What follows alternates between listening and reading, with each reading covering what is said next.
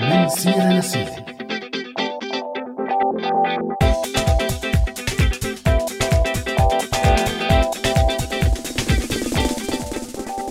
أوقاتكم سعيدة مستمعي راديو سوريالي. كتير مننا بسبب التعليم يلي حصلنا عليه بالمدارس ومسلسلات أفلام الكرتون كان عنا صورة وردية عن الثورات وكيف دايما بتنجح.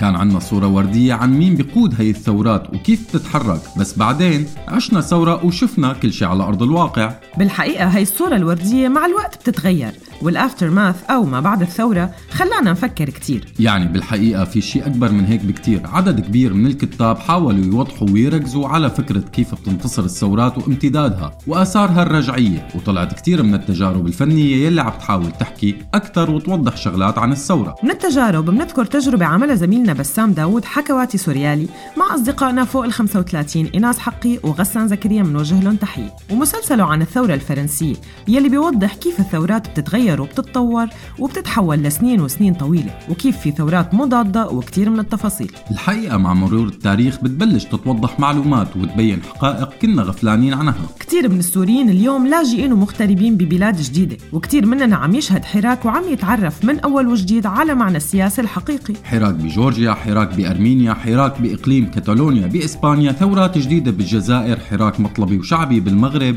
تغييرات اجتماعية واقتصادية وسياسية ومطالبات بالحرية للنساء والمثليين جنسيا والقائمة تطول وتطول فاليوم صرنا نعرف أكثر أنه الثورة بالشكل يلي تم تسويقه لنا من قبل ما نو حقيقي بس يا هل ترى تنجح الثورة بشكل كامل ونهائي؟ وهل المكتسبات تبع أي ثورة ممكن تلغي نظام قديم وتجيب نظام جديد؟ أم أنه في مكتسبات ونتائج ما عم نقدر نشوفها والقصة أكبر من أنه ثورة نجحت أم فشلت؟ وشو مصير ثورات الربيع العربي يلي منها تقريبا نجح مثل بتونس أو يلي لسه عم تخضع لمخاضات مثل ليبيا أو يلي تم اعتراضها والتدخل فيها مثل سوريا واليمن وصولا للحراك الجديد بالجزائر هل أدت الثورات دورها أم لا؟ وشو مصير الطبقات الحاكمة؟ وغيرهم كتير من الأسئلة والمواضيع رح نحكي عنها بحلقتنا لليوم وجزء منها رح نناقشه أكثر وبالأخص القسم القانوني مع ضيفنا لليوم المحامي والحقوق السوري مازن درويش عم تسمعوا راديو سوريالي ورح يكون حكينا عن الثورات بنتمنى نكون عم نطرح أسئلتكم وبنتمنى ندور على الأجوبة سوا. شعب من الأبد ولد رح البلد. من أنيابك يا أسد شعب مل من الأبد والد وما ولد رح يسترجع البلد. أنيابك يا أسد يا بشار طلع الضوء ما عاد نخاف من العو اليوم راح نشيلك أو بكرة الأيام بتحلو. يمل يمل من أمك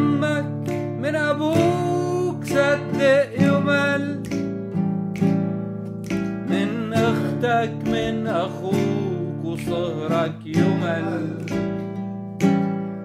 من أمنك من كل مين بأمنك يمل من الفوضى اللي بنظامك منك يمل يا نحول اسمع الحكاية بيحكوا بمجلس كان في مراية زاحوا هتفوا يحيى الحرباية يمل يمل سؤال حلقتنا لليوم بيقول برأيكم كيف ممكن تنتصر الثورات؟ ولتجاوبوا على سؤالنا مستمعينا فيكم تتواصلوا معنا على صفحاتنا على مواقع التواصل الاجتماعي فيسبوك وتويتر وإنستغرام أو رسالة صوتية أو مكتوبة على الواتساب على الرقم 00962 779 851 210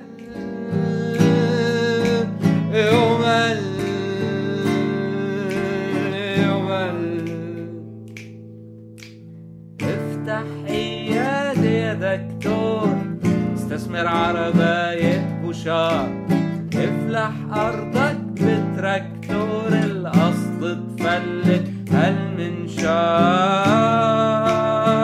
يا دكتور بوشار افلح أرضك بتراكتور القصد تفلت هالمنشار طالع آكل. نازل آكل. طالع آكل. نازل آكل. عمي منصور النجار. يمل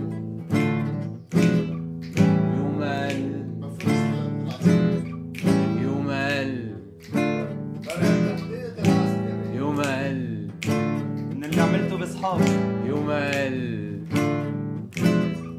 يمل يمل بلد اللي وردتها من بابا. يلا رجعها لأصحابها. يا وسخ نظفت جيابها. ارجع فورا إلى الغابة إلى الغابة إلى الغابة.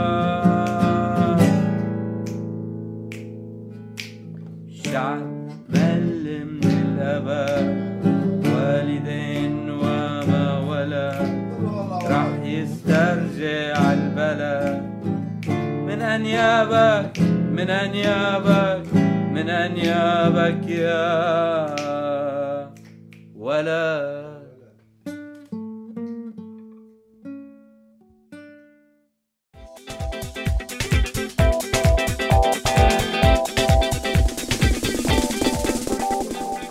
ورجعنا بعد سؤال الحلقة ورح نستعرض الفقرات يلي رح تكون معنا بهاي الحلقة والموضوعات يلي رح نسمع. والبداية رح تكون مع منقوشة الست رئيفة يلي رح تخبرنا فيها عن فنون الأسى أما بفقرة بنات الشمس فرح نسمع حلقة معادة بعنوان المرأة في الثورة السورية. بصوت الزميلة ومعدة البرنامج سابقا أماني يلي منوجه لها كتير تحية كبيرة. ورح نرجع نجدد لقائنا مع كارولين بفقرة ليرة ورا ليرة لتحكي لنا عن الثورة الفرنسية والآثار الاقتصادية لهي الثورة. أما بفقرة شو قولك فرح نستضيف المحامي والحقوقي السوري مازن درويش لنحكي أكثر عن الثورة والقوانين وقدرة القانون على تحقيق التغيير. وهلأ رح ننتقل مباشرة لأولى فقراتنا لليوم لتخبرنا رئيفة شو هي فنون الأسى فخليكم معنا على السمع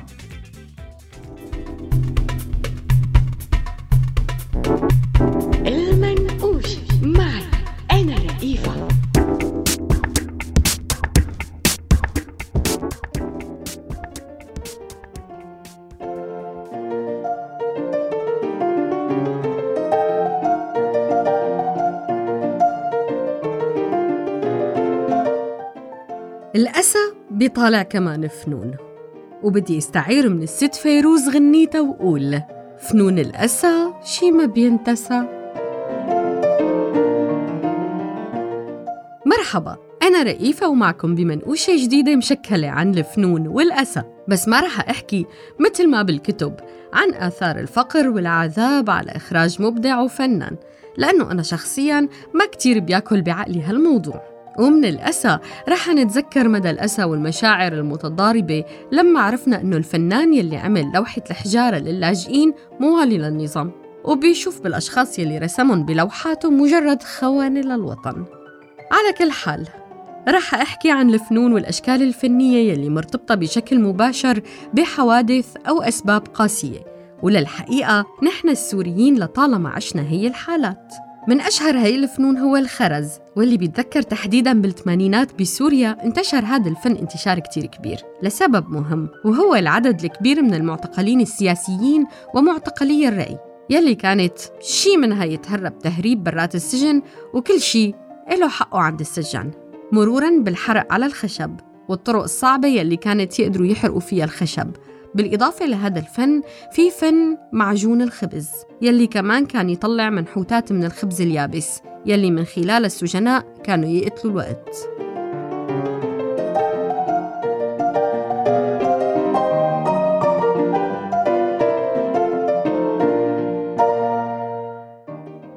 بفيلم ابن العم لعلي قتاسي ولبنى حداد يلي بيحكي عن رياض الترك. بيحكي فيه الترك عن كيف كان يقتل الوقت بالفن رغم إنه ما كان معروف عن أمين عام المكتب السياسي للحزب الشيوعي علاقة فنية مباشرة. بس بالسجن تحول لفنان لوقت قصير.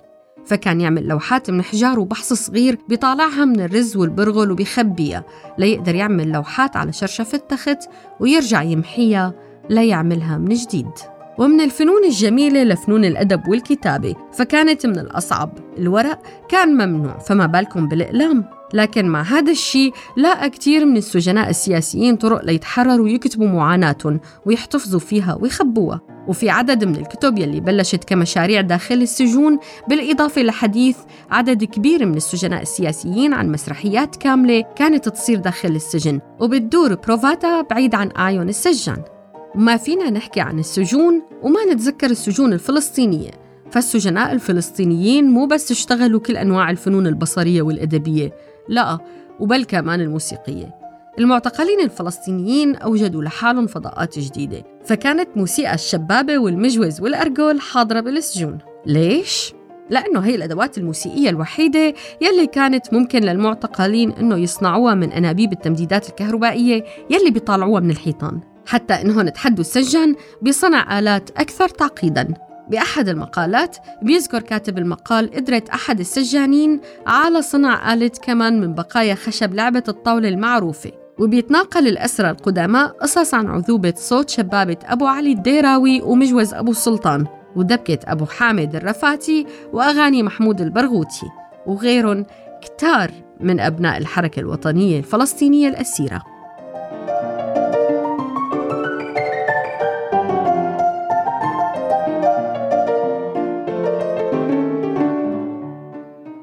بالسجون الأجنبية الإجرامية بيحاول بعض مدراء السجون والإصلاحيات الاستعانة بالفنون لتحويل مسار المجرم أو إصلاحه بالإضافة للرياضة والصناعات الصغيرة. وأكيد الطبخ سيد الفنون. وشفنا كتير من التقارير والأفلام عن الموضوع.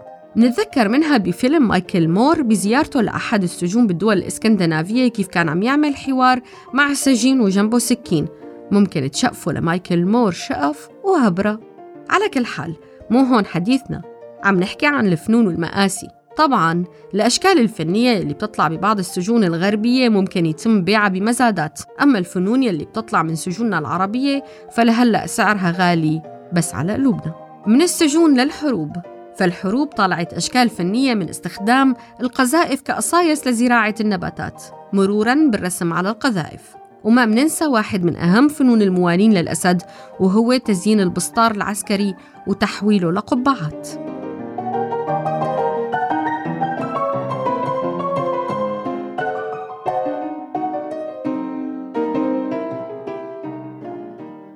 من الفنون الآسية يلي طالعتها معتقلات وسجون الأسد الأب والابن عدد كبير من الروايات والرسوم يلي بتحكي عن قسوة التجربة والرعب الهائل يلي بيواجه السجين. منذكر من أحدثها صور لأجساد عارية محطمة تحت ضربات الجلادين عيون فزعة وغائرة. أيدي يائسة تحاول دون جدوى حماية أعضاء جسمها الحساسة.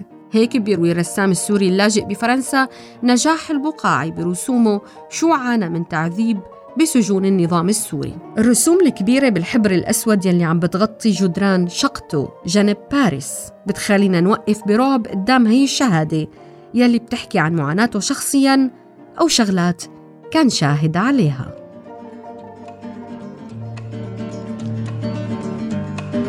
أنا رحت انضم في مرة رحت انضم في مرة لقلة مندسة.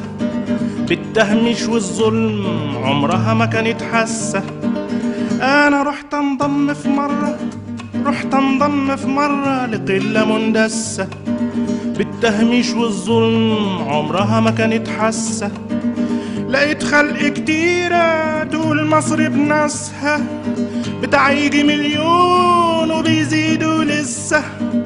يا عيني على القلة يا ليلي على المندسة. فتشوني وأنا داخل فتشوني وأنا داخل بأيادي خارجية. أيادي متلطخة بالفول والطعمية. قلت في نفسي أكيد دي عجينة دولية. لمحت بنت بعيد لمحت بنت بعيد. ماشية بيافطة في الميدان. يا ترى مكتوب بالفارسي ولا مترجمة في لبنان؟ تلاقي كتب عليها الحلوة دي من طهران ولا هشوف في إيديها ألوان علم إيران. قربت لقيت مصرية وكاتبة إحنا ليه بنتهان؟ شاب بيعزف عود شاب بيعزف عود بأصابع خارجية. تلاقي كاتب النوتة في أجندة دولية قربت لقيته بيعزف أغاني الشيخ إمام ويردوا عليه الشعب يريد إسقاط النظام. بقى هي دي القلة عيا عرة الإعلام عيا بوق النظام يا بوق النظام. يا ساقط ابتدائية في اختراع اسمه قنوات فضائية. يعني ما سمعتوش عن حاجة اسمها دش. ولا ما زهقتوش من التضليل والغش وبعد ده كله لسه المذيع له وش.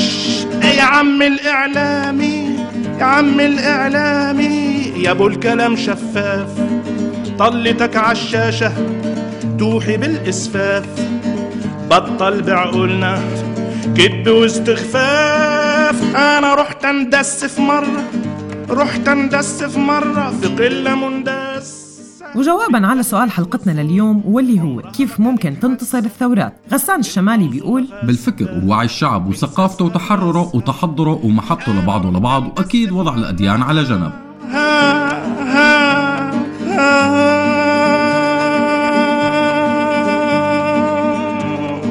في قلة مندسة بالتهميش والظلم عمرها ما كانت حاسة. ده المنظومة فاسدة من ساسها لراسها الدم كان بيسيل وده جايب صورة النيل. خلى تلفزيوننا فضحته بشخاليل عايش بالأوهام يخيبك إعلام. ده الشعب يريد تطهير الإعلام. الشعب يريد تطهير الإعلام. الشعب يريد تطهير الإعلام.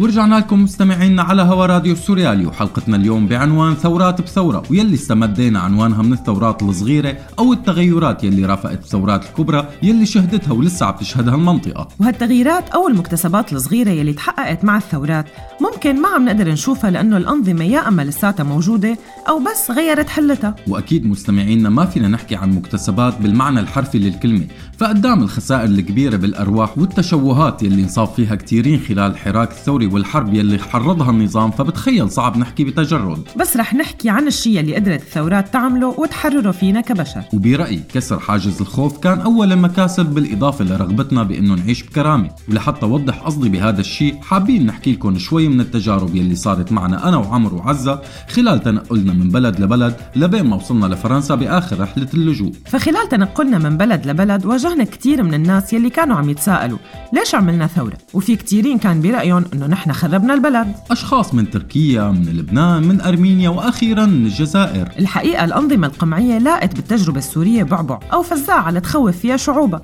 وصار كل حاكم ديكتاتوري يقول لشعبه شو بدكم تصيروا مثل سوريا؟ ومن أكثر الأشخاص يلي عانوا لسنوات طويلة من الحرب والاقتتال الداخلي كانوا إخوتنا بالجزائر. وخلال رحلتنا لوصولنا لفرنسا التقينا كثير من الشخصيات يلي كانت ضد الثورات وعم تقول شو عم تعملوا بحالكم. بس نحن ما طرحنا على حالنا هذا السؤال. مع بداية الحراك بالجزائر السوريين يلي وقفوا ضد نظام الأسد وقفوا مع حراك الشعب الجزائري. إيه موقفين مع أخواتنا بالجزائر وقفنا قبل مع رفقاتنا وأخواتنا بأرمينيا وموقفين مع أخواتنا بالسودان. والحقيقة في بعض من الأصدقاء الجزائريين أو الأرمن رجعوا واعتذروا وقالوا هلأ فهمنا شو كان عم يصير عندكم. وأنا بعتقد أنه ثورات الربيع العربي من 2010 لهلأ قدرت توصل رسالة كتير مهمة وهي أنه كسرنا حاجز الخوف. وصرنا نعرف أنه الكرامة فوق كل شيء. أعداد كبيرة من الناس انقتلت تشردنا مناطق محاصرة جوع عطش موت وكل شيء أسود بكل مكان. بس السؤال المهم يلي بيطرح نفسه هل هيك بدنا نتذكر الثورة وآثارها؟ جزء من الأشياء يلي قدرت الثورة تغيرها كان جزء كبير من الحريات يلي تحققت بالداخل السوري. فسقف الحرية يلي كان مثل أعطية أو منة من النظام تحول لمكسب هلأ للأسف إخواتنا يلي مع النظام ما رح يعترفوا بهذا الشيء بس نحن بنعرفه كتير منيح. صرنا نشوف خرايطنا وأوطاننا على حقيقتها فبلشنا مع الحراك بتونس نسمع أسماء كل المدن والقرى. بالقرى ونشوف وجعها يلي كان النظام التونسي عم يخبيه ونفس الشي بمصر وليبيا. كان كل الوجع مخبى وصار على المكشوف. وبسوريا من درعا لكفر نبول ومن تدمر ودير الزور لوصولا للساحل السوري بلشنا نشوف وجه تاني لسوريا اللي كان النظام السوري عم يحاول يغطيه. صورة أهل الريف أو أهل المدن النمطية انكسرت فشفنا إبداع بالصناعة وبالزراعة بالمناطق المحاصرة. شفنا ناس عم تقدر تخلق تجارب للتعليم بأصعب المناطق من اليرموك بريف حلب وصولا لمحاولات مقاومة داعش والنصرة بالفن. شفنا شباب عم يجمعوا كتب بدارية ويكتبوا عليها أسماء ملاكة ويعملوا مكتبة ضخمة لكل الناس تقرأ. وشفنا مجالس محلية ومدنية تحت القصف والجوع. كشفت الثورة عن الأمراض المجتمعية اللي جزء منها خلقه النظام وجزء منها كان عم يغطيه النظام ليستفيد منه بمراحل لاحقة. كشفت كمان عن العقم السياسي بكل شيء بالأحزاب السياسية يلي كانت على أساس معارضة. مو بس الأحزاب لا بل كمان الأفراد يلي كان كتير من الناس مآمنين فيهم كمعارضين وبلشنا نفهم أكثر مين مع مين ومصالح مين مع مين. وحتى إيديولوجيات وأفكار وسياسات صارت موقع نقاش وطرح حقيقي. غيرت الثورة بمفهوم الإعلام وبمفهوم نقل الخبر وطالعت فنانين عملوا من الوجع فن. رح يكون رسالة لكل الأجيال يلي بعد. النظام بآلته الإعلامية وشبكة علاقاته عم يحاول يمحي أي شيء مشرق عملته الثورة عم يحاول يعتم على أي شيء منيح. ونحن لازم نأشر ونذكر دائما بهذا الشيء. من جهة تانية صار في تغييرات جوات النظام نفسه كان سببها الثورة فعلى سبيل المثال للحصر. التغييرات الوزارية يلي صارت تصير بشكل مستمر بالوقت يلي قبل الثورة كان يقعد الوزير لسنين وسنين طويلة. ما كان هذا الشيء ليصير لولا الثورة. تغيرات بسيطة بقوانين حقوق المرأة والطفل وبقوانين الأحوال الشخصية ما كانت لتصير لولا الثورة. تعيين المرأة بمناصب كتيرة من أهمها رئيسة مجلس الشعب. كل هاي الأشياء يلي عملها النظام هو وماكينة ال PR تبعه كانت نتيجة لضغط الثورة. صحيح كانت لتبييض صورته بس بالنهاية هي أشياء تغيرت بسبب الثورة وانجبر النظام على أنه يعملها. بس التغيرات ما كانت بس على الداخل السوري كمان غيرت بغير دول. وعن هذا الشيء رح نحكي أكثر بالقسم الثاني من حلقتنا لليوم. بس هلأ بدنا نروح مباشرة ونسمع شو رح تخبرنا كارولين بفقرتنا الجاية ليرة ورا ليرة. ليرة ورا ليرة. معي أنا كارولين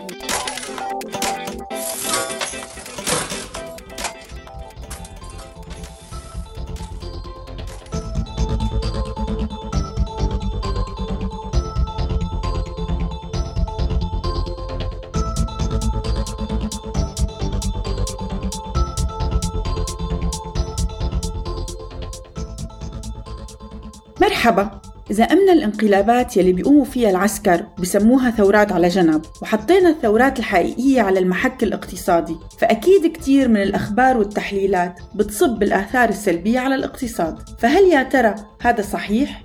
هل يا ترى في بس آثار سلبية على اقتصاد الدول يلي قامت فيها ثورات؟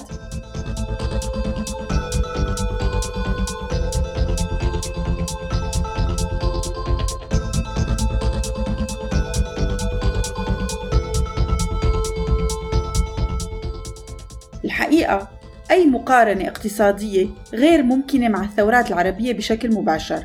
قدام الدم والأرواح وكمية التشوهات الجسدية والروحية يلي تعرضنا لها. مشان هيك مشان نحكي عن الموضوع رح نروح للتاريخ وعلى الثورة الفرنسية تحديدا وعدد كبير منشور من الدراسات عن الثورة الفرنسية وآثارها الاقتصادية. دراسة منشورة بتاريخ 2017 تتناول الآثار السلبية والإيجابية للثورة الفرنسية.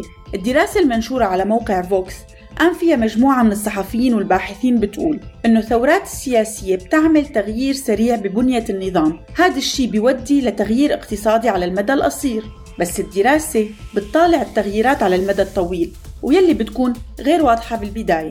بتقول دراسات تانية إنه في جدل قائم إنه الثورات بمعظم الأحيان هي تمهيد لتحول اقتصادي ما والبعض الآخر بيقول إنه بتمهد الطريق تحديدا لنمو السوق الرأسمالي. وحتى إنه في بعض الباحثين المنتميين لتيارات يسارية بيقولوا إنه الثورات بتكون مدفوعة أصلا من الأسواق الرأسمالية سواء بشكل مباشر أو غير مباشر. بينما في مجموعة ثانية من الباحثين بتقول إنه الثورات هي سياسية بالدرجة الأولى ومنشأها سياسي تتبعها تغييرات وعواقب اقتصادية.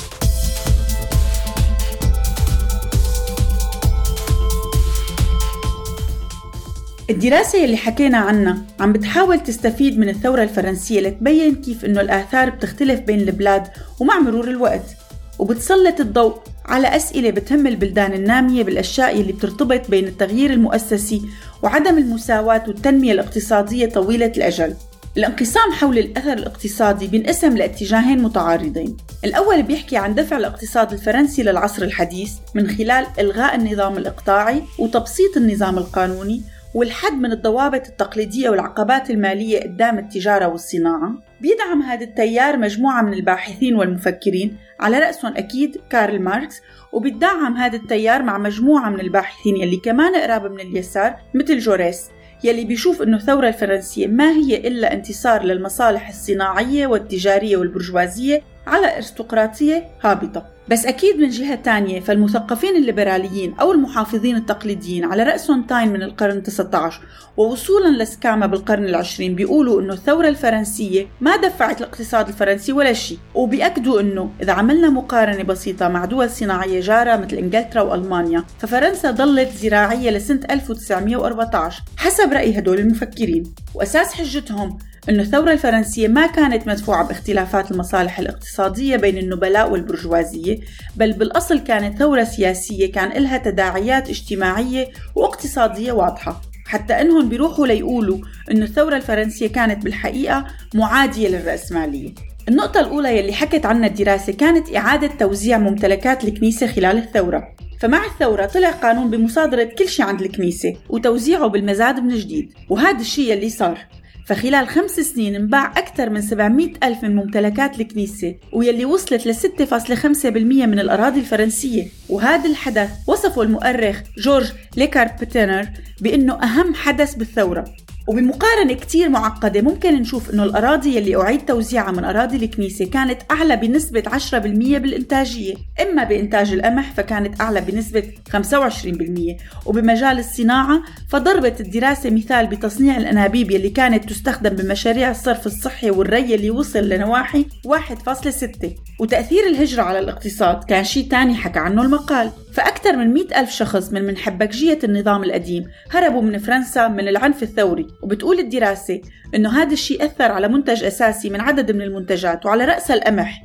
هذا الشيء أدى إلى أنه تزيد حدة التوترات وأدى إلى تضخيم الهجرة بمحلات تانية وتأثر الوضع الاقتصادي كتير. نواحي إيجابية ونواحي سلبية حكى عنها المقال اللي بننصحكم تقروه بس من الثورة الفرنسية بنرجع للواقع العربي. فبشكل غريب بنلاقي إنه ببعض النواحي الواقع الاقتصادي ما تأثر أو تحسن ببعض المحلات.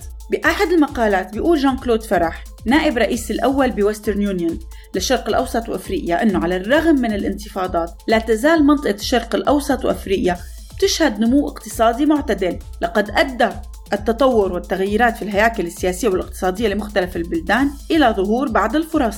وبضيف أنه بعد سنوات من الثورات المباشرة تحسنت الآفاق الاقتصادية بمنطقة الشرق الأوسط وأفريقيا كلها بعد ما رجعت رؤوس الأموال تتدفق. بينضاف لهذا الشيء ارتفاع أسعار النفط الخام بمرحلة من المراحل وانتعاش الاستهلاك المحلي. بعدد كتير من الدراسات منلاقي إنه دائما في آثار إيجابية على الاقتصادات الثائرة، فمع وضع نهاية للحكومات اللي كانت غير خاضعة للمساءله، بالإضافة لإزالة سيطرة الأنظمة جزئيا عن التحكم الكامل بالاقتصاد، فهذا الشيء بيفتح آفاق أكبر للاستثمار، وما بننسى إعادة الأعمار. لكن دائما لازم نتذكر أنه دائما رح يكون في محاولات لإعادة السيطرة على الاقتصاد من خلال السياسة أو العكس من قبل ما يسمى اليوم بالدولة العميقة أو الحرس القديم.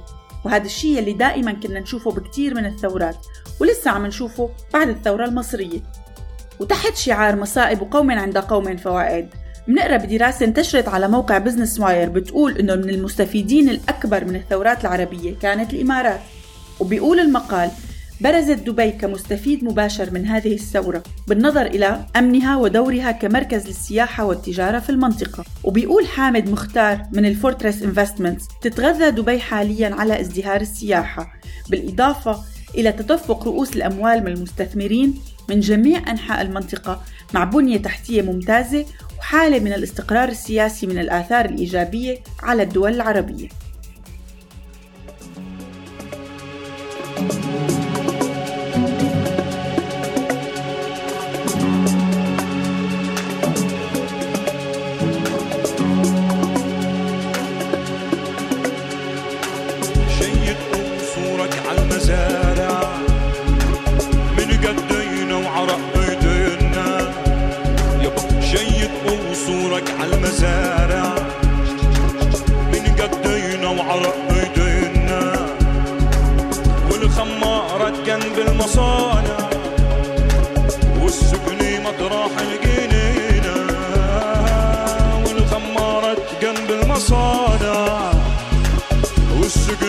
مطرح الجنينة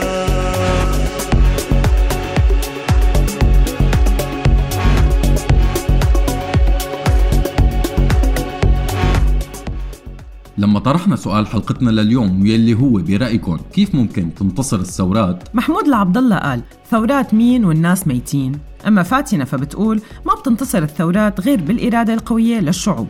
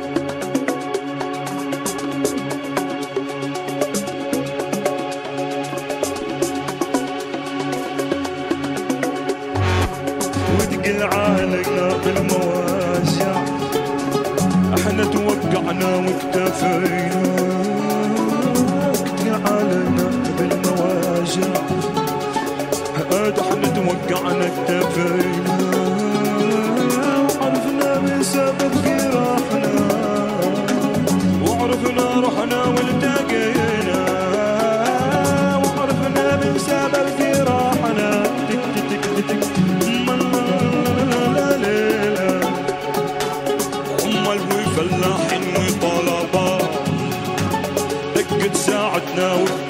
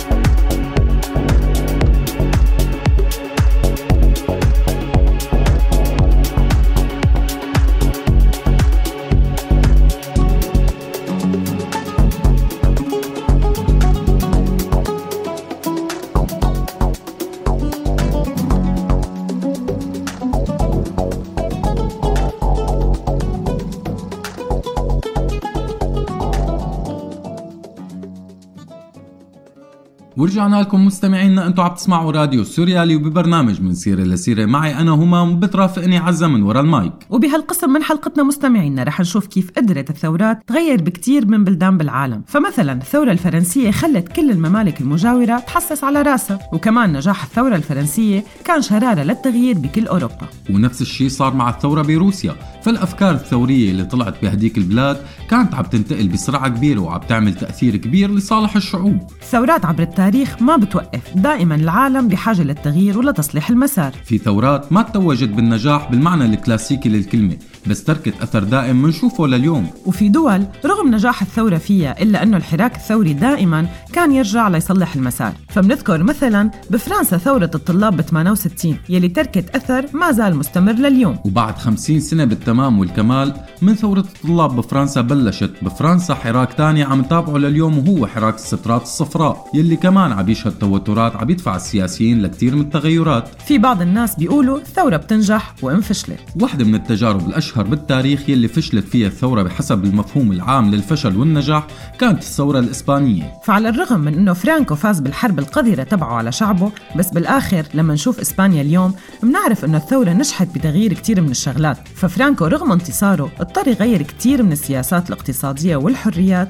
خلتنا نشوف إسبانيا مثل ما هي اليوم. وكتير من النقاد بيأكدوا أنه إسبانيا ما كانت لتوصل للمطرح يلي هي فيه اليوم بدون الثورة والمخاض يلي عاشته. أما يلي بيعتقد أن الثورة بإسبانيا خلصت فهو غلطان لأنه الحراك السياسي بكتالونيا هو أكيد نتيجة لاحقة للثورات. طبعا ما عم نحكي عن اليسار واليمين عم نحكي عن ضرورة التغيير. وبالرجعة للتغيير عنا بالمنطقة والثورات فالثورة حررت كتير من الشعوب فما لازم ننسى الحراك يلي صار بالبحرين وما لازم ننسى التحركات الاقتصادية والسياسية يلي تبعت ثورات الربيع العربي بكل الدول يلي ما شهدت حراك مثل بقية الدول. تغييرات كبيرة بدول الخليج عم تصير بهدوء من حق المرأة بالقيادة لتعيينات النساء بمراكز قيادية مرورا بالتركيز على قضايا العمال الأجانب. وعلى الضفة الثانية تغييرات كبيرة بإيران وتغييرات بتركيا. واليوم عم نشوف شو عم يصير بالسودان واستمرار الحراك بالصحراء الغربية أو تغيير القوانين بالمغرب. الحقيقة ما فينا نقيس بشكل مباشر نجاح الثورات بس في بعض المؤشرات. فعلى سبيل المثال محاكمة المجرمين بالوضع السوري هو أحد أهداف الثورة أما كيف الوصول إله بطريقة تانية فهو أكيد بالقانون والقانون الدولي. وعن هذا الشيء رح نحكي أكثر بعد شوي مع ضيفنا لليوم المحامي والحقوقي مازن درويش. بس قبل رح نسمع حلقة معادة من فقرة بنات الشمس بعنوان المرأة في الثورة السورية فخليكم معنا.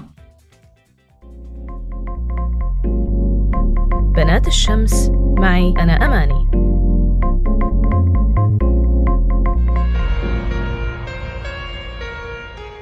مرحبا مستمعينا. من اللحظات الأولى لاندلاع الثورة السورية أخذت المرأة مكانة جنب الرجل بالمظاهرات وهتفت للحرية وكتبت الشعارات وشاركت بتشييع الضحايا. وساهمت بكل نشاطات الحراك السلمي مثل الاعتصام وتوزيع المنشورات وتنظيم الحملات مثل حملة أوقفوا القتل وحملة الأبيض والبنفسجي.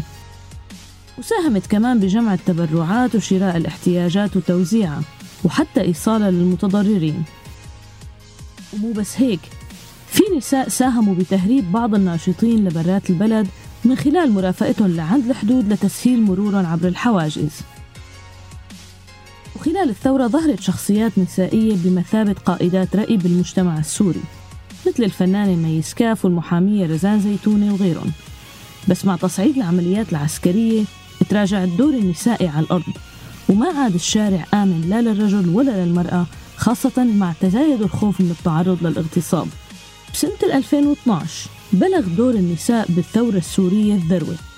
وبسبب المداهمات والاعتقالات نظموا النساء أنفسهم ضمن خلايا ليعبوا الفراغ اللي تركه غياب عدد كبير من الشباب. واستغلوا أنه الحواجز ما كانت تفتش النساء. وصاروا يهربوا الأدوية والأكل للمناطق المحاصرة والمستهدفة بالقصف. وعدد من النساء من الأقليات استخدموا صفتهم الطائفية على الحواجز لتهريب المساعدات للأحياء المحاصرة. بس بعدين كشفت بعض الحواجز الموضوع وصاروا يدققوا أكثر بهويات النساء.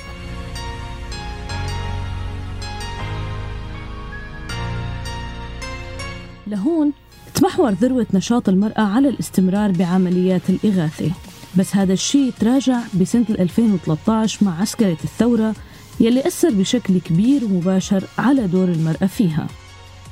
وبعدها اتجه العمل النسائي باتجاه التدريب والتعليم والتوعية. وكان في نساء يدربوا العاملين الهواة بمجال الإعلام وتغطية القضايا الإنسانية. هدول النساء كانوا يواجهوا عقبات كثيرة. بس رغم هيك فرضوا حضورهم على مجتمعات بأغلبها كانت ذكورية. مجرد وجود هدول النساء وعملهم بهي المناطق كان يفرض تحدي للهيمنة الذكورية المتزايدة والمتطورة خلال الحرب. ولو جينا للمجلس الوطني السوري المعترف فيه من قبل 80 دولة ما منلاقي وضعه أحسن من غيره. فمن مجمل الأعضاء ال 200 ما بيتجاوز عدد النساء 24 وحتى مع إدراج مبدأ الكوتا داخل المجلس الوطني السوري ما ارتفع عدد العضوات. ولو جينا للمجالس الثانية مثل المجلس الوطني الكردي فنسبة تمثيل النساء فيه ما بتتجاوز السبعة بالمية وطبعا هي نسبة قليلة كتير. والسبب سيادة العقلية الذكورية بالمجلس اللي ما عم تفتح المجال للعضوات لياخذوا دورهم الحقيقي والفعال فيه. ورغم هذا التمثيل القليل بالمجالس اللي بتمثل الثورة إلا أنه حتى هذا التمثيل ما كان كافي وفاعل وحقيقي بشكل كامل وببعض الحالات ما كان أكثر من تمثيل شكلي.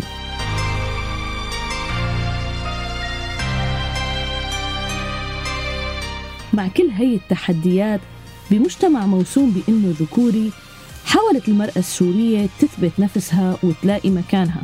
ببعض المجالات قدرت وفعلا كان دورها فاعل وحقيقي. وببعض المجالات للأسف كانت السلطة الذكورية بالمرصاد. وكثير من المنظمات والمؤسسات عم تشتغل اليوم على أنه يكون دور المرأة السورية بالفترة الجاية دور كبير وحقيقي وفاعل.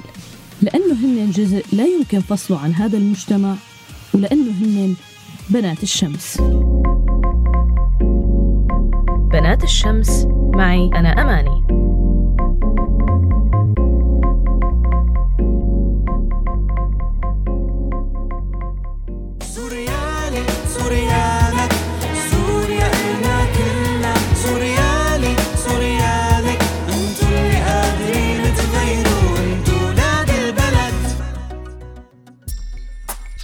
وجوه سورية. معي أنا عزة.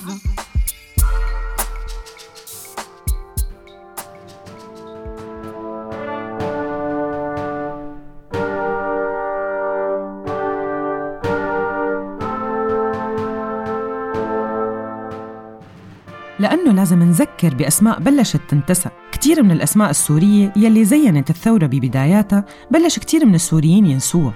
واليوم رح نحكي عن اسم حسين هرموش. ضابط سابق بالجيش السوري برتبة مقدم والقائد السابق لحركة لواء الضباط الأحرار. برز اسمه بعد انشقاقه وتأسيسه للواء خلال الثورة السورية سنة 2011 ورفع لواء الدفاع عن المدنيين.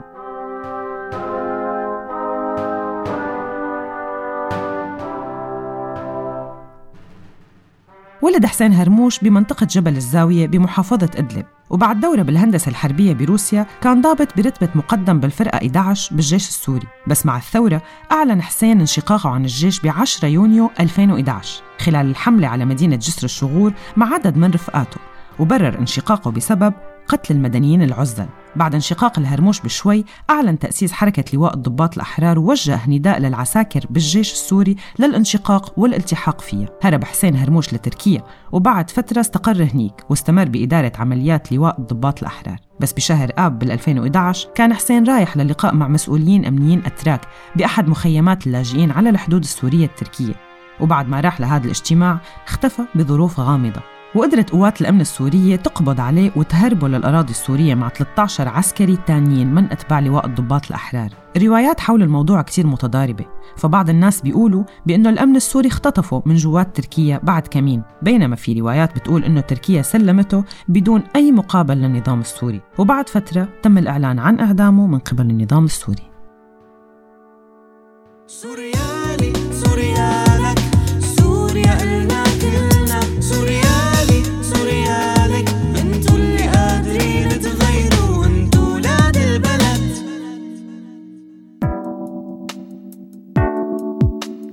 شو قولك؟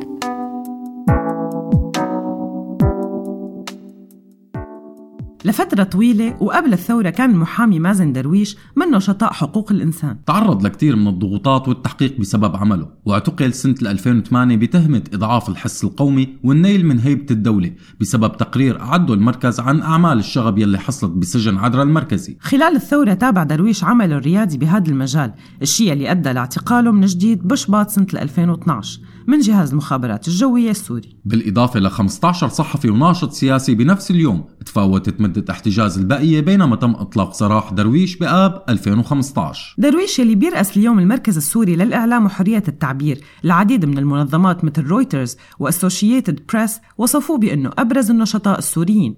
المحامي مازن درويش أهلا وسهلا فيك. ضيف عزيز ببرنامج من سيرة لسيرة ع هوا راديو سوريالي. أهلا وسهلا فيك أستاذ مازن. أهلا وسهلا فيكم. يا هلا. بداية أستاذ مازن مجلس النواب الأمريكي آه، عم بيقر قانون بفرض عقوبات على الأسد وداعميه وبالإضافة لقضايا كثير مرفوعة على النظام بأكثر من بلد. كمان في ملفات كثير عم تتحضر يعني صحيح الأخبار متباعدة بس يعني فينا نقول يمكن في شوية أمل. آه، هل هذا يعني الأمل أنه ممكن النظام يتحاسب على جرائمه أو ممكن ينفذ؟ يعني بالنهاية إيه لا أكيد في أمل. وطالما إرادة الضحايا بالوصول للعدالة قائمة فبالمطلق الأمل موجود. آه، في مثل ما ذكرت في كتير جهود بهذا الخصوص.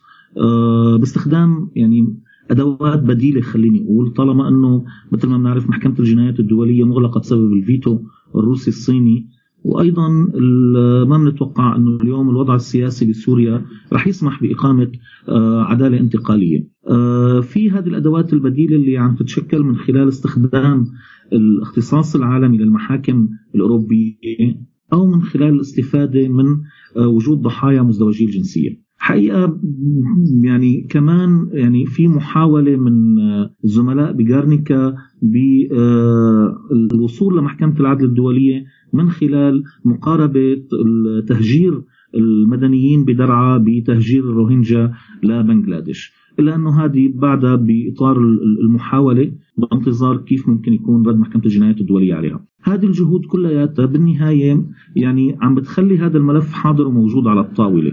ما بدنا نتوقع كمان أنه هذه الجهود هي العدالة في سوريا.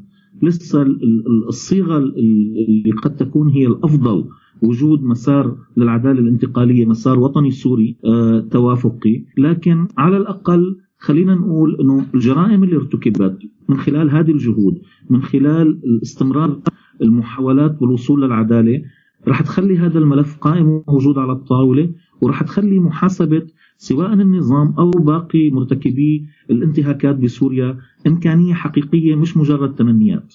طب أستاذ مازن هل باعتقادك أنه النظام القضائي بسوريا رغم الإعازات والإملاءات المباشرة من النظام قدر يحقق بعض التطورات خلال السنوات يلي تخللتها الثورة أم أنه النظام القضائي هو جزء لا يتجزأ من بنية النظام؟ ابدا للأسف يعني النظام القضائي بسوريا غير مستقل آه، ولا يستطيع أن يتولى فعلا مثل هيك مسؤولية. آه، كلياتنا بنعرف آه، أيضا سيطرة السلطات وسيطره الأجهزة الأمنية على جهاز القضاء لكن أيضا بسوريا في منظومة قضاء استثنائي. مثل على سبيل المثال محكمة الميدان العسكرية منظومة القضاء بسوريا لا تستطيع ما حرة ما مستقلة تابعة بشكل كلي آه، للنظام خصوصا بالقضايا اللي بتخص آه، العدالة والمسؤولية الجنائية عن الانتهاكات. بالإضافة إلى أنه هي ذراع تنفيذ لهذه الانتهاكات، المشكلة بسوريا أيضا القضاء هو نفسه استخدم كأداة لارتكاب انتهاكات وارتكاب يعني جرائم قتل خارج إطار القانون بتوظيف للمحاكم الاستثنائية وعلى راسها محكمة الميدان العسكرية. طيب أستاذ مازن تم الحديث والتسويق خلال السنوات الماضية للعداله الانتقالية من قبل إعلاميين ووجهات إعلامية معارضة.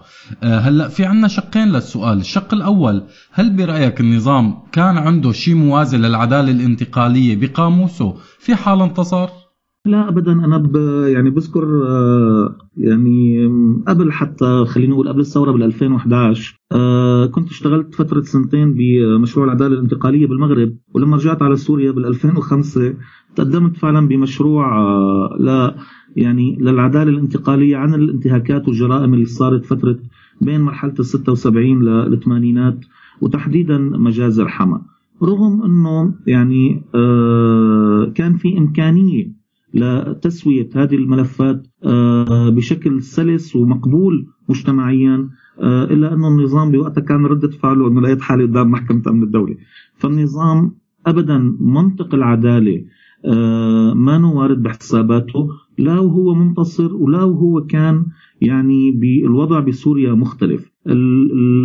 لا أعتقد أنه فعلا من الواقعي أو المنطقي المراهنة على إرادة النظام بتحقيق العدالة. الشق الثاني من السؤال أستاذ مازن هل برأيك العدالة الانتقالية أمر ممكن التحقيق اليوم في حال انتصار الثورة؟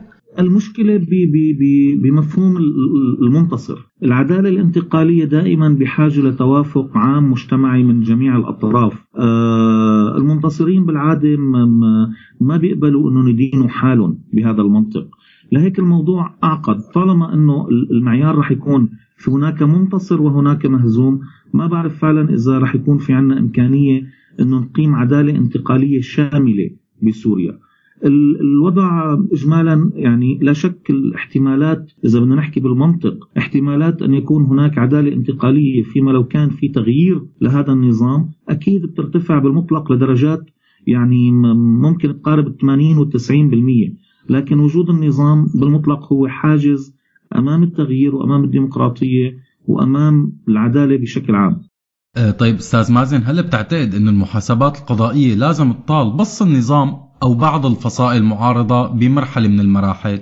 يعني العدالة بشكل عام ما بصير تكون انتقائية ما بصير إنه يكون في عنا يعني بدنا نطبق معايير واضحة وثابتة على كل من ارتكب جرائم حرب أو جرائم ضد الإنسانية آه، ما بصير إنه يكون في عنا انتقائية بموضوع العدالة ما بصير يكون في عنا انتقائية بحقوق الضحايا. بالمطلق بالنهاية كل عم بحكي هلا ك بالشكل النموذجي أو المثالي كل من ارتكب جرائم حرب أو جرائم ضد الإنسانية بغض النظر عن التسمية السياسية له معارضة موالاه آه، فصائل آه، مسلحة فصائل إرهابية بغض النظر يجب أن يكونوا خاضعين للعدالة. وكل ضحية بغض النظر هو كان موقفه السياسي أو اصطفافه السياسي طالما أنه هو تنطبق عليه شروط الضحايا الضحية يجب أن يكون له الحق بالوصول للعدالة. طب أستاذ مازن هل برأيك فينا نحكي عن مكاسب قانونية للثورة؟ آه، بظل الشيء اللي عم آه، اللي عم يعمله المركز تبعكم أم مرة ثانية السياسي بيتدخل مع القانوني؟ خليني أقول أنا أنه في في مكاسب قانونية للسوريين. بشكل عام. لأنه أعتقد أنا حتى المدنيين اللي ممكن نحن نصنفهم بين قوسين موالين للنظام هن أيضا رح يستفيدوا رح يكونوا آه، عندهم مكاسب من العدالة بسوريا بغض النظر. المكاسب فيني أقول إيه؟ في مكاسب للسوريين. في مكاسب لسوريا بالمعنى الوطني العام آه لأنه بالدرجة الأولى مثل ما حكيت الشيء اللي عم نشتغله نحن وأيضا في مؤسسات سورية أخرى وفي مؤسسات دولية هو عمليا تثبيت الحق بالعدالة، تثبيت الحق بمحاكمات عادلة وعدم غض النظر عن هذه الجرائم. للأسف بالتداخل السياسي موجود، للأسف في توجه عند الأمم المتحدة وعند الدول الإقليمية وحتى القوى الدولية لغض النظر عن هذه الجرائم والانتهاكات اللي صارت. في توجه بقايض السلام بالعدالة، بمعنى أما يعني نحن كسوريين علينا أن نختار السلام اللي هو بالنسبة لهم مجرد وقف إطلاق نار أو علينا أن نختار العدالة بهذا الخصوص التدخلات السياسية موجودة واردة من غير الممكن إنكارها. نحن اليوم ما عم نقدر نتوجه لمحكمة الجنايات الدولية بسبب الفعل السياسي لدول تمتلك الفيتو مثل روسيا والصين تحديدا. لكن مع ذلك إرادتنا كسوريين إرادتنا كضحايا بالوصول للعدالة هي اللي ممكن تكون القول الفصل بهذا الخصوص. بالنهاية مسارات العدالة للأسف ما سريعة شفنا من تجارب دول أخرى قد تستغرق سنوات طويلة. لكن بالنهاية العدالة ممكنة. ومن دونها ما ممكن يكون في سلام حقيقي قابل للاستمرار بسوريا. هذا الشيء أيضا كمان اللي عم نحاول من خلال ال ال ال يعني الفعل القانوني وأيضا الفعل اللي بيتعلق بالمناصرة مع المؤسسات الدولية ومع الدول ومع الهيئات الأممية إنه العدالة ليست هي من أجل الانتقام لكن هي من أجل أن تحمي السوريين بالمستقبل من حرب أخرى قائمة فقط على الانتقام بسبب غياب العدالة. طيب نهاية أستاذ مازن عفوا آه، ما ما فينا نغفل أو نتجاهل اعتراف أمريكا مؤخرا بالجولان محتل كجزء من إسرائيل، آه، هل باعتقادك القانونيين المعارضين قادرين يعملوا شيء بهي المرحلة المقبلة باتجاه هذا الموضوع بخصوص هذا الموضوع عفوا؟ ما فينا نغفل وما لازم نغفل. واجبنا أنه بالعكس هذا واحد من القضايا أيضا ال ال ال الأساسية والمصيرية بالنسبة لنا كسوريين آه، قضية الجولان وموضوع الجولان. ال ال الإعلان الأمريكي أكيد بالمطلق هو مخالف للقانون الدولي ومخالف لقرارات مجلس الأمن. لكن أيضا ما فينا نعتبره هو مجرد آه يعني قول سياسي لأنه بنعرف أنه بالنهاية أمريكا يعني دولة الدولة الأعظم وإسرائيل من سنة ال 81 يعني ما طلعت قرار بضم الجولان. آه بالتالي قانونيين المعارضة أو قانونيين الموالاة أو القانونيين المستقلين أعتقد أنه كلياتنا بهذا الموضوع يعني يجب أن يكون هناك فعل حقيقي ونبذل جهدنا كاملا. هذا الموضوع للأسف هو يعني قرار سياسي مش قرار قانوني. لكن مع ذلك مواجهته بالمعنى القانوني واجب ولزام علينا كلياتنا. نهاية أستاذ مازن عن جد شكرا كثير لك ولوقتك ولكل المعلومات اللي أفدتنا فيها ويعطيك ألف عافية. شكرا كثير لك أستاذ مازن. شكرا لكم وللسادة المستمعين وتحياتي دائما يعطيكم العافية. الله يعافيك يعطيك ألف عافية. شكرا كثير لك لا تبكي فأحزان الصغر تمضي كالحلم مع الفجر فقريبا تكبر يا ولدي وتريد الدمع فلا يجري إن سهرت أمطار معنا أو غطى البرد شوارعنا فالدفء يعمر أضلعنا. ولهب الأرض بنا يسري.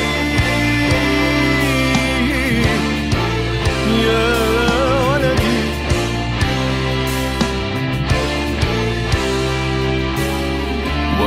بحت لك أغنية أو أنت قدم حافية فشموس رفاقك آتية وستشرق من غضب الفقر قد أرمى خلف الجدران وتحن لحبي وحناني فانظر في قلبك ستراني لن يقوى القيد على الفكر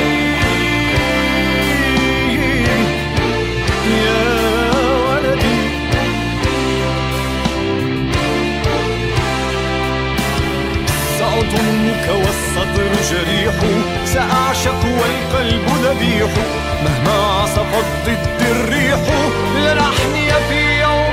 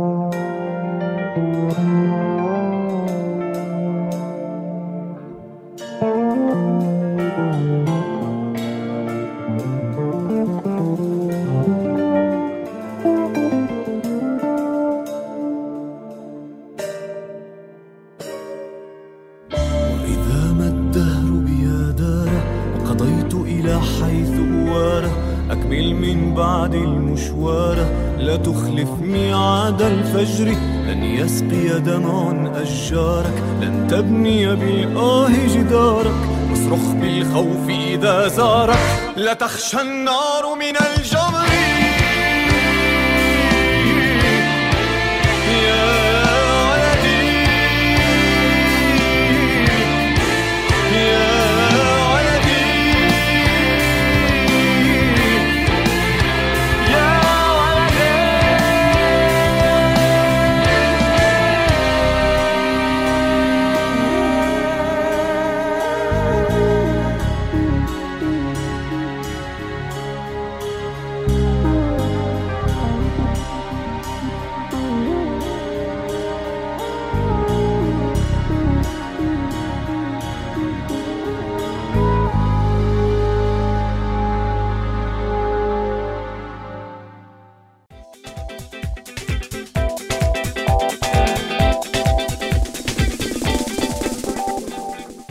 مستمعينا بنكون وصلنا لآخر حلقتنا لليوم. ما فينا نكون ساذجين وننسى المصالح الاقتصادية للدول والمعارك السياسية الخفية يلي عم تحرك كتير بالمشهد السياسي العالمي وبالدول. وما فينا نغفل عن الصراعات الإقليمية مثل إيران وتركيا أو الصراعات بين دول الخليج ومصالحها بالمنطقة. وأكيد ما فينا ننسى الصراعات الدولية السياسية والاقتصادية واللي بتترك أثرها علينا سواء بين أوروبا وأمريكا أو بين روسيا وأمريكا. وما فينا ننسى كمان صراعات الميديا والحروب الثقافية يعني خلاصة القول في كتير عوامل عم تدخل مع الثورات والتغيرات يلي عم بتصير. بس لازم دائما نتذكر إنه التغيير كان ولازم يضل بإيد الناس ونتذكر إنه الثورات ما كانت بس مشان الخبز والجوع. وبالنهاية مستمعينا بدي أتشكركم وأشكر كل فريق الحلقة من إعداد وإخراج وفريق السوشيال ميديا. وأنا كمان بدي ودعكم وبحب أشكركم على بقائكم معنا على هوا راديو سوريالي على أمل اللقاء بحلقة جديدة وموضوع جديد.